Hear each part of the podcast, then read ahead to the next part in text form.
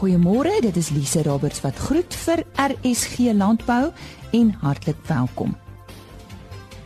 Ons gesels vanoggend verder oor die rooi vleisbedryf in Suid-Afrika.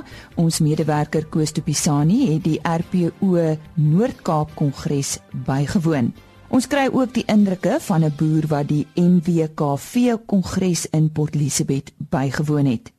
Dan praat 'n interras beoordelaar van Argentinië oor die werk wat hy doen wêreldwyd oor die beeste wat in Argentinië voorkom en ook uh, so 'n bietjie oor perde 'n interessante bydrae wat uh, ons medewerker Isak Hofmeyer daar by die Royal Skou in Pietermaritzburg opgeneem het. En ons sluit vandag se program af met 'n gesprek met een van die persone wat by die RPO Noord-Kaap Kongres gesels het Gerrit van Sail en sy onderwerp van bespreking was verseker winsgewendheid in jou boerdery. Bly ingeskakel daarvoor. RSG Landbou word vandag aangebied met die komplemente van Laveld Agrochem. Saam boer ons vooruit. Nou eers die gesprek wat Koos de Pisani gehad het met 'n uh, Gerard Skutte van die nasionale RPO. Dit is tydens die RPO Noord-Kaap Kongres opgeneem. Gerard, waar staan die rooi vleisbedryf in die verbruikersmark op hierdie stadium? Ek dink uh, as 'n mens vergelyk met hoender uh glad nie op dieselfde vlakke nie. So 13.5 kg per capita per jaar vir beesvleis en so 2.4 kg per capita vir skaapvleis, maar die vraag na die produk groei en wat baie lekker is, die uh, vraag na na die produk groei ook op 'n internasionale basis. Hoe sê jy wat is die RPO se bedryfsprioriteite vir die volgende 5 jaar? Uh daar definitiewe nuwe prioriteite gekom. Die eerste een is om diere siektes te bekamp.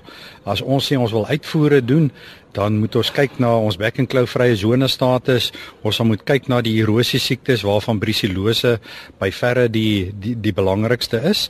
Dan sê ons ons moet die verbruiker gemoedsrus gee in terme van ons produk. Ons het 'n redelike goeie klassifikasiestelsel, maar ons sê ons moet kyk na die voorbeelde van internasionale graderingsstelsels en een van ons pas maak waar ons verdere 'n waarborge aan die verbruiker kan eh, lewer in terme van vleiskwaliteit en sagtheid. Hoe sien jy sê wat wat word verwag van die RPO op die huidige stadium staan die RPO uh, sterk genoeg om sy al hierdie verantwoordelikhede op sy skouers te neem? Ons moet onthou die RPO het twee sitplekke in uh, die rooi vleisbedryfsforum se raad. So die, die al die aspekte en ingrepe in die bedryf word op 'n kollektiewe basis deur die hele waardeketting gedoen. En as jy twee sitplekke van 13 het, dan moet jy jouself bemagtig om met goeie argumente uh jou argumente te wen. Uh en ek is baie tevrede op hierdie stadium dat dit gaan baie goed met die RPO met sy vrywillige heffing ook uh en dat ons ons sitplekke kan inneem daar waar dit 'n verskil kan maak uh in die hele waardeketting in die bedryf. En wat is die gevoel van die van die kommersiële boere op hierdie uh voel hulle ook dat dat die RPO hulle uh in hulle behoeftes voldoen? Ek dink die vrywillige heffing is altyd 'n baie goeie toets. Ek sê altyd dis nie 'n lekker toets nie, maar is 'n goeie toets en dit gaan goed met die vrywillige heffingstelsel. Uh hy groei steeds en dit is 'n aanduiding dat ons dalk die die regte goed doen. Uh ek dink uh, wat sekere uitdaging is is uh om dan kollektief namens die boere op te tree en die grootste uitdaging is sekerlik uh, deesdae om uh met die staat binne die staatsopset 'n bemagtigende produksie en 'n handelsomgewing te skep. Ehm uh, en dit is goed wat oom Piet op die plaas nie kan doen nie. Ons moet dit kollektief doen en ek hoop die boere sien dit in want anders sou hulle nie hierdie vrywillige heffing vir ons gegee het nie. En uh, hoe sê jy sê wat is die vereistes vir die rooi vleisbedryf? Ja, dis fantasties. Uh, as ons kyk uh, die afgelope 10 jaar het die produsenteprys van rooi vleis bokant die inflasiekoers presteer. Ehm uh, kyk ons net na die afgelope 5 jaar aan die bees uh, produksiekant het ons in 2016 39% meer kilogramme beesvleis geproduseer as 5 jaar terug. En in die afgelope 5 jaar het ons elke jaar meer geproduseer. Uh, en dit sê maar net een ding. Daar's beter tegnologie wat toegepas word daar's hoër intensifisering want ons weet uh, daar's druk op die natuurlike hulpbron die wildbedryf het inbeweeg die mynboubedryf het in in beweging ten spyte daarvan uh, het die bedryf daarin geslaag om meer te produseer Goed, ek wil ook sommer namens namens die boere en vir jou sê dankie vir al die moeite wat julle doen om die om die rooi vleisbedryf so op 'n op 'n hoë standaard te te bring en te, te handhaaf die hele tyd. Dit is aan Koos de Pisani daar in gesprek met Gerard Skutte van die Nasionale Rooi Vleisprodusente Organisasie en Koos is nou nou weer terug met sy onderhoud met Gerrit van Sail oor winsgewendheid in jou boerdery. En nou oor na Karen Venter. Ek is vandag hier by die NBKV se kongres in die baai by die Pine Lodge. Neil van Pletsen en dit is die eerste keer wat hy die kongres bywoon. Ja, ek kom van Jamestown af. Ek boer daar in die Jamestown omgewing. Ehm um, op die plaas Hester. Um, ons boer met merinos en beefaster beeste. En ja, dit is heel interessant by die kongres. Frans van Wyk het gepraat oor ehm um, hoe fiks jou besigheid is. So dit het nogal se mense oë oop gemaak om weer meer na die finansiële sy ook te kyk en wat die positiewe goed is en dan dat mense dit moet gebruik so ook in jou boerdery vorentoe te, te beweeg. Neil sê vir my gaan jy weer volgende jaar die kongres kom bywoon en gaan jy miskien 'n paar van jou vriende saambring? Ja, ek glo ek sal dit weer bywoon en ja, ek dink enige boer sal ene sal sal een sal, sal by so 'n kongres advies kry en so 'n leiding kry so kom besluite te kan neem.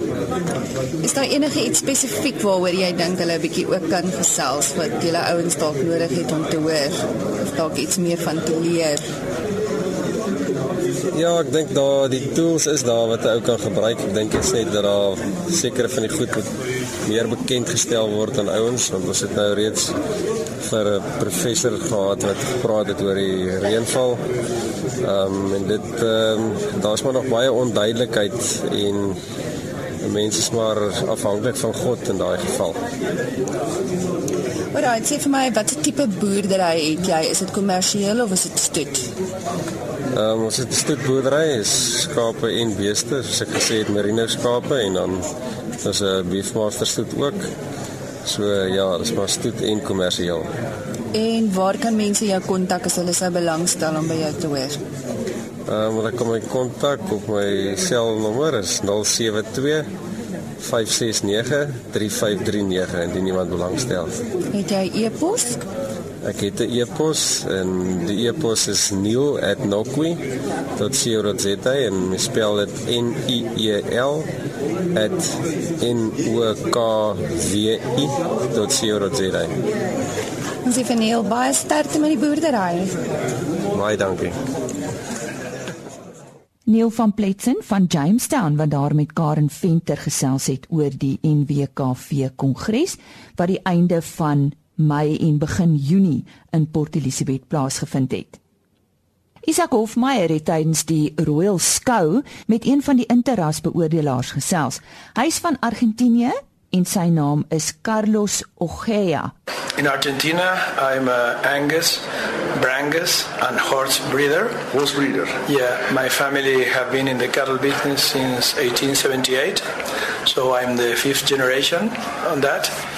and uh, also my main business I make on uh, breeding, genetics, and commercial uh, advisor for different cattle companies. I I consult uh, 18 different cattle companies that owns around 35 ranches. Um, so I have to make breeding decisions in big amount of cows. My biggest customers will have something between 20 to 25,000 cows each. My biggest uh, client will sell 18,000 steers a year. So, and between the bulls that we produce for the sales of the people that I work with, that we organize 22 sales a year, plus the bulls that we produce to use in their own herds, plus the semen that we sell from the top bulls that we produce, uh, my breeding decisions today have an influence in around 300,000 cows in Argentina.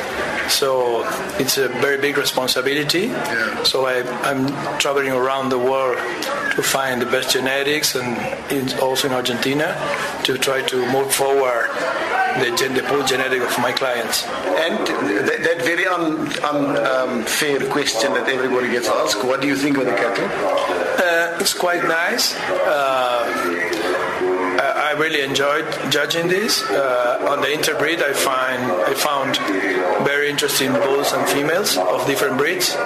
So I'm, I'm, I'm, I'm i really like. I'm really pleased with the the show, the environment, the people, uh, and the cattle is nice. So it, it was A, it, I'm finishing a very nice experience. I'm very happy. Yeah, yeah. And still on the unfair questions, if you have to take these cattle you saw here and put it in a in any show in Argentina, how would you? Uh, tough question. Uh, Argentina right now, in the Angus, the Brangus and the Braffords, it's uh, in, in, Angus and Brangus, together with, with the United States, are the two leaders in the world.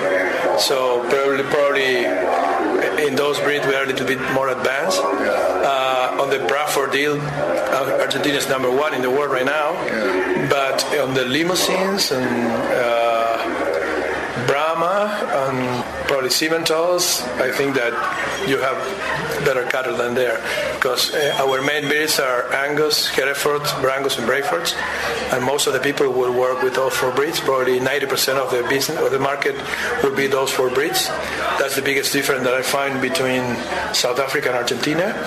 We have 50 million cows and we have four main breeds and here you have 10 million head or 11 million head and I was told that you have like 45 breeds mm. so that's I think one of the biggest differences we concentrate only in the in the in the in the breeds that we consider that will fit our market and our environment in Argentina and we don't focus in breeds that can be defeated by other ones. In the northern part of Argentina, that is hot climate, we have Brangus, Brayfords, and Brahma. Yeah. In north, central Argentina, where it's more mild, quiet climate, we will basically have 65% will be Angus, and then Herefords, and some limousines and Charolais and Simmentals, but basically Angus. Mm. And southern Argentina that is really cold, we will have a little bit more Herefords and then Angus. Indigenous Argentinian breeds? No, no anymore. Uh, no, uh, you have to imagine that the, the the cattle comes to Argentina, I think was 1456 with uh, 14 something. That was with the second Christopher Columbus trip to America. That's when the cattle comes to America. We didn't have any cattle at all before that. That, that those were the, the what they call the, the, Spanish cattle, and it goes to Central America, and then it started go, going south. So I think around the 1500s, uh, that cattle get got for the first time in Argentina. Um, and after that, we start developing what, what is called the descendant from those uh, Spanish cows. They were more coming later on, but uh, they, and then we, we adopted them and they, we called them the criollos. That that was an original breed for us, but that breed was no good for for for meat or forever for everything. So it was around 18, I think it's 1850 something, that a British descendant that was living uh, living in Argentina brought the first shorthorn bull to Argentina called Tarquino, and he starts a process. He mixed that shorthorn bulls with the Criollo cows, yeah, yeah. And, and, th- and that bull was very fertile.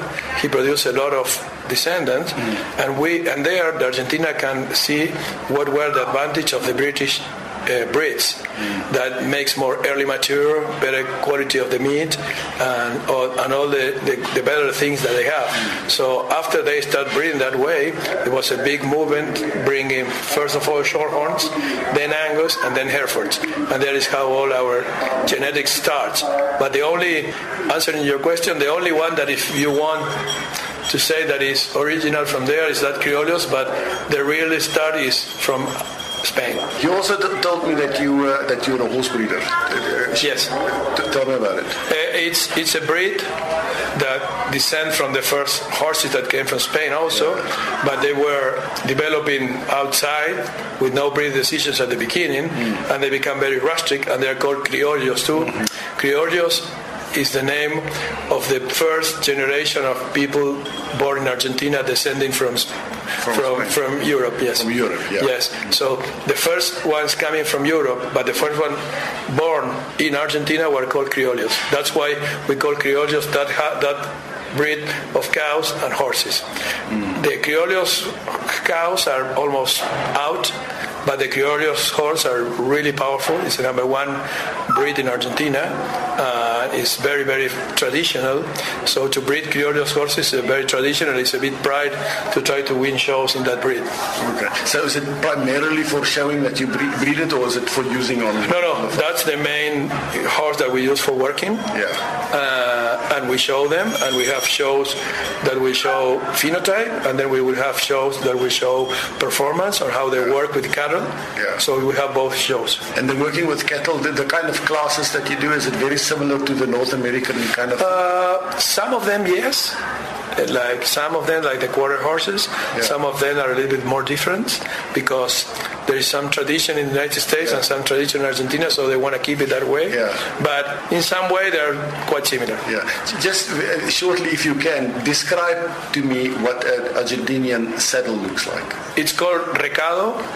The recado is what the the gauchos and criollos used long time ago, and it's it's I don't know how you say it in English. It's a piece of wood yeah. that was first of all you put like, like a wool. Uh, so what we do, you call it the saddle tree, the piece of wood we call the saddle tree. Is that right? We have one, two, three, four.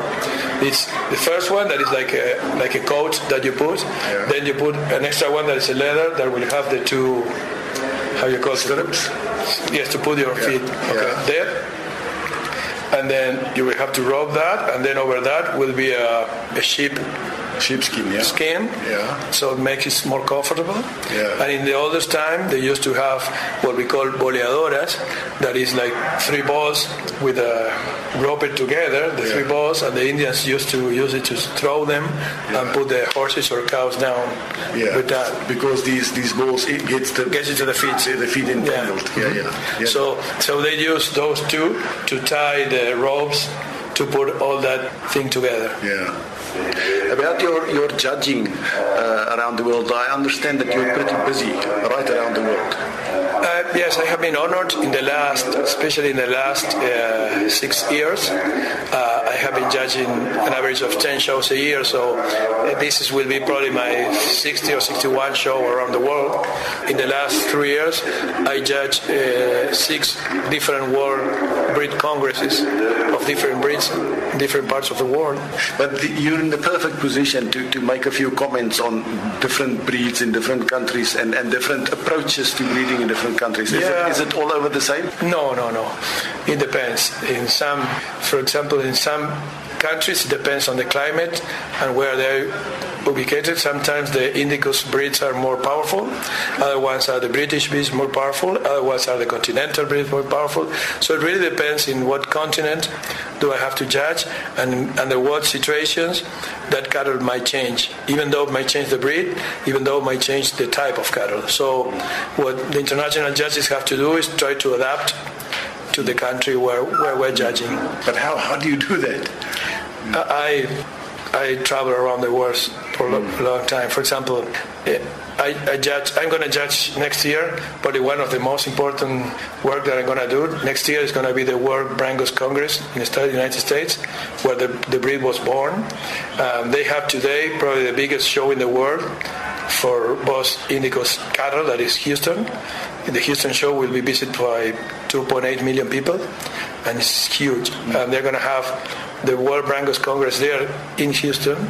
It's going to be a big show, and I have been honored to judge that next year. So I have been traveling, for example, for the States, searching for genetics or judging or whatever.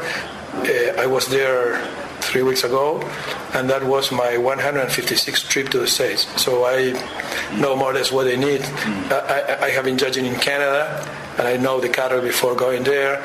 Uh, Brazil, Uruguay, Paraguay, Mexico, Colombia. Uh, Argentina, Uruguay, uh, and then when I came here to South Africa, the first two days I was taking a look to see the cattle and the environment, and try to do some research, research, research sorry, about how do you work with the cattle here and how do you adapt it to the weather that you have here, the ticks and everything. And after that, I try to, after you see two or three classes, you more or less have an idea what we are talking about. And from there, you, you, you, you never negotiate what is structure soundness, capacity, uh, body dimension, uh, others, testicles, functionality, quality of the breed that is not negotiable. But then you you can find, for example, here I find that the Angus cattle is uh, not feed that much hard, like probably in the in the colder countries like in Argentina or United States that they, they put more fat on the cattle than here. So after two two or three classes, I understand that they don't feed the cattle that much here than what is there. So I just put my eye on looking at good cattle, not too much about how well fed they are. That's basically one of the difference that I found. 'n Interessante gesprek wat Isak Hofmeyer daar gehad het met een van die interrasbeoordelaars van Argentinië by vanjaar se Royal Skou en sy naam was Carlos Ojea. Ons kyk gou na veilingnuus. Op die 4de eh, Julie is daar die 14de Grassfields Beef veiling. Dit vind plaas by die Groen Vlei Veilingkrale Utrecht Wakkerstroom. 374 Grassfields African Drought Master koeie, verse en bulle word opgeveil deur Vlei Sentraal en die afslaer is Paul Botha. Die Ermelo Bonsmara groep 'n produksieveiling vind op die 4de Julie plaas by die Herwoods Bullring op Davel en 40 geregistreerde stoetbulle, 100 Bonsmara tipe koeie en verse word opgeveil deur BKB van Wyk.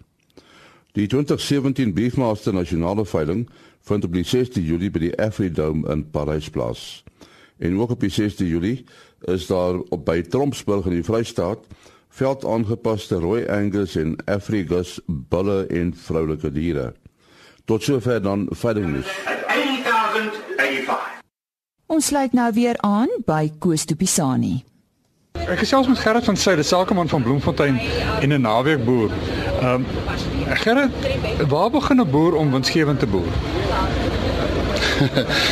ja, dit is uh, ek dink dit is 'n dit is 'n langtermyn ding, maar ek dink 'n mens moet net iewers begin en ek dink dit begin deur deur ek dink jou kop te verander en met 'n visie en 'n missie en al hierdie goed om te besluit ek wil winsgewend wees.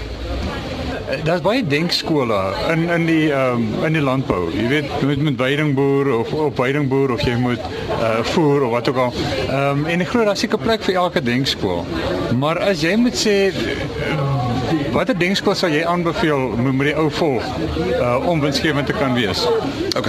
Ek dink die belangrikste is is dat 'n ou 'n goeie weidingstelsel het. Want beladingstempo is maar die die die ding wat 'n ou suksesvol maak. Ons kan met genetika verp en kom, maar iewerste dan ons kom ons by 'n by ek wou sê by 'n by 'n totaal of by 'n by 'n plafon en dan die volgende ding is, so met ander woorde, hoe beter ons na ons grond kyk en hoe beter ons ons grondvruchtbaarheid het, hoe meer gras kan ons produseer, hoe meer hoewe kan ons produseer. So as jy 'n dokter wil word op boerdery, word 'n dokter oor hoe 'n grasplant werk Eerstens en tweedens hoe werk 'n bees se rumen? Hoe kan 'n persoon sy sy veiding verbeter? Wel, ons moet net begin met 'n goeie veidingstelsel. Daar's baie stelsels op die mark en elke kan maar begin. Ons het begin deur die gekontroleerde ge, gekontroleerde voervloei beginsel en ons het dit nou verhoog of verbeter kan ek sê of verder gevat met die elektriese draadjies waar ons nou na hierdie hoë druk. Ek is nog nie by ultra hoë druk nie, maar al by die hoë drukstelsel uh, wat ons heidaglik gebruik waar ons op die huidige oomblik so 1.5 maal norm is. Ek dink ons gaan gaan na volgende jaar so na 2 maal die norm en uh, ons mikpunt is 3 maal die normale beladingstempo. Uh, dit is net geweldig baie. Uh, Dink jy dit is dis haalbaar? Kom ek sê vir jou so ek kan jou so 10 name gee van ouens wat jy gaan besoek wat wel haalbaar is vir 10 jaar. So verseker is dit haalbaar. As dit haalbaar is in jou kop, is dit haalbaar op die veld ook. Uh, hoe sê jy sê watter faktore is daar wat wat wat ehm um, winsgewendheid beïnvloed op 'n plaas?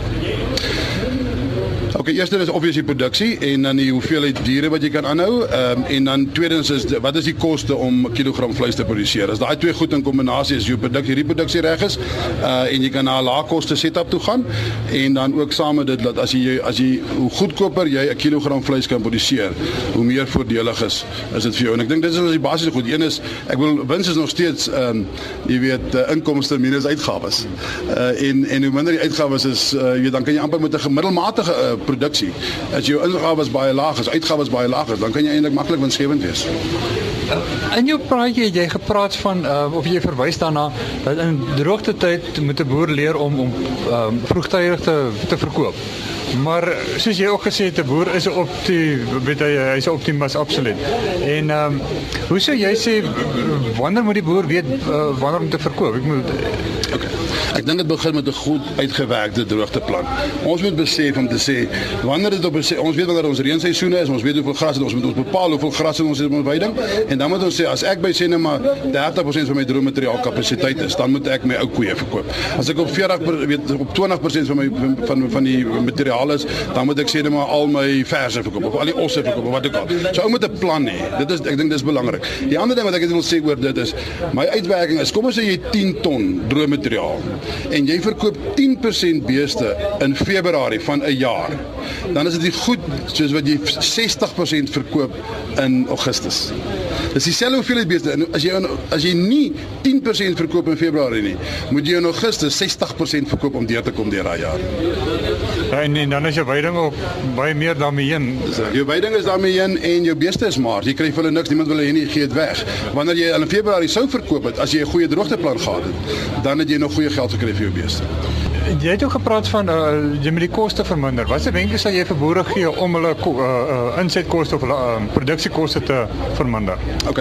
Die een maklike manier is kom en sink met die natuur. Die tweede een is uh, verhoog jou jou jou jou jou tempo met ander meer beeste met dieselfde dieselfde kapitaal. Ehm um, en dan uh, kom en sink jy boer met die regte tipe dier nê. Nee. As ons diere kry wat wat met 'n lae onderhoud op die veld kan survive, dan moet ons daarna toe gaan. Dit vat dis 'n lang periode, maar dis waarna toe ons moet gaan. En dan as 'n ou my gevoel is uh jy weet ons moet wegkom van van ons moenie 'n masjien tussen 'n grasplant en 'n beeste bek sit nie. So as ons kan wegkom daarvan af en ons kan die beeste leer om te doen wat hulle mee waarvoor hulle gemaak is en dit is om is om gras in proteïen om te sit. Dat hulle dit kan doen. En so solank hulle dit effektief doen, die regte tipe diere, dan moet jy winsgewend wees as jy genoeg beeste aan het. Um, net so laaste vraag gerad in die, in die landboubedryf, uh, is die boere redelik negatief eintlik of daar's baie redes hoekom hulle negatief moet wees. Ehm um, hoe voel jy oor die oor die stand van landbou op hierdie stadium in Suid-Afrika? Kyk, ek dink daar's 'n paar uitdagings, maar dit gaan ons niks help om daaroor te sit en huil nie. So ons moet ons moet die beste maak van wat ons het en ons moet opkyk, ons moet glo. Ehm um, en ons moet dan en dan moet ons die skouer in die wiel sit, jy weet. So so ek is ek is uh, jy weet kom ek sê dit gou-gou so. Ek het nog nie 'n suksesvolle negatiewe ou gesien nie. Daai positiewe noot vanaf 'n naweekboer Gerrit van Sail wat by vanjaar se RPO Noord-Kaap Kongres oor die winsgewendheid in jou boerdery gesels het, sê ons baie dankie ook aan Koos de Pisani wat vir ons daardie bydrae gestuur het. En dit bring ons dan aan die einde van vandag se program môreoggend. Gesels ons ook verder vanaf die RPO Noord-Kaap Kongres en uh, professor Johan Willemse het daar gepraat oor siklusse in landbou. Ook 'n bydrae vanaf Johan van der Berg wat 'n aanbieding gedoen het daar en ons berig ook vanaf die Large Herds Kongres. Isak Hofmeyer het met uh, George Keiler van die MPO gepraat en dit is uh, dan van die onderhoude môreoggend ons kuier graag weer saam met u. Vandag se program is aangebied met die komplemente van Laveld Agrochem. Saam boer ons vooruit. Totsiens. RSG Landbou is 'n produksie van Blast Publishing. Produksieregisseur Henny Maas. Aanbieding Lisa Roberts en 'n notas koördineerder Jolande Rooi.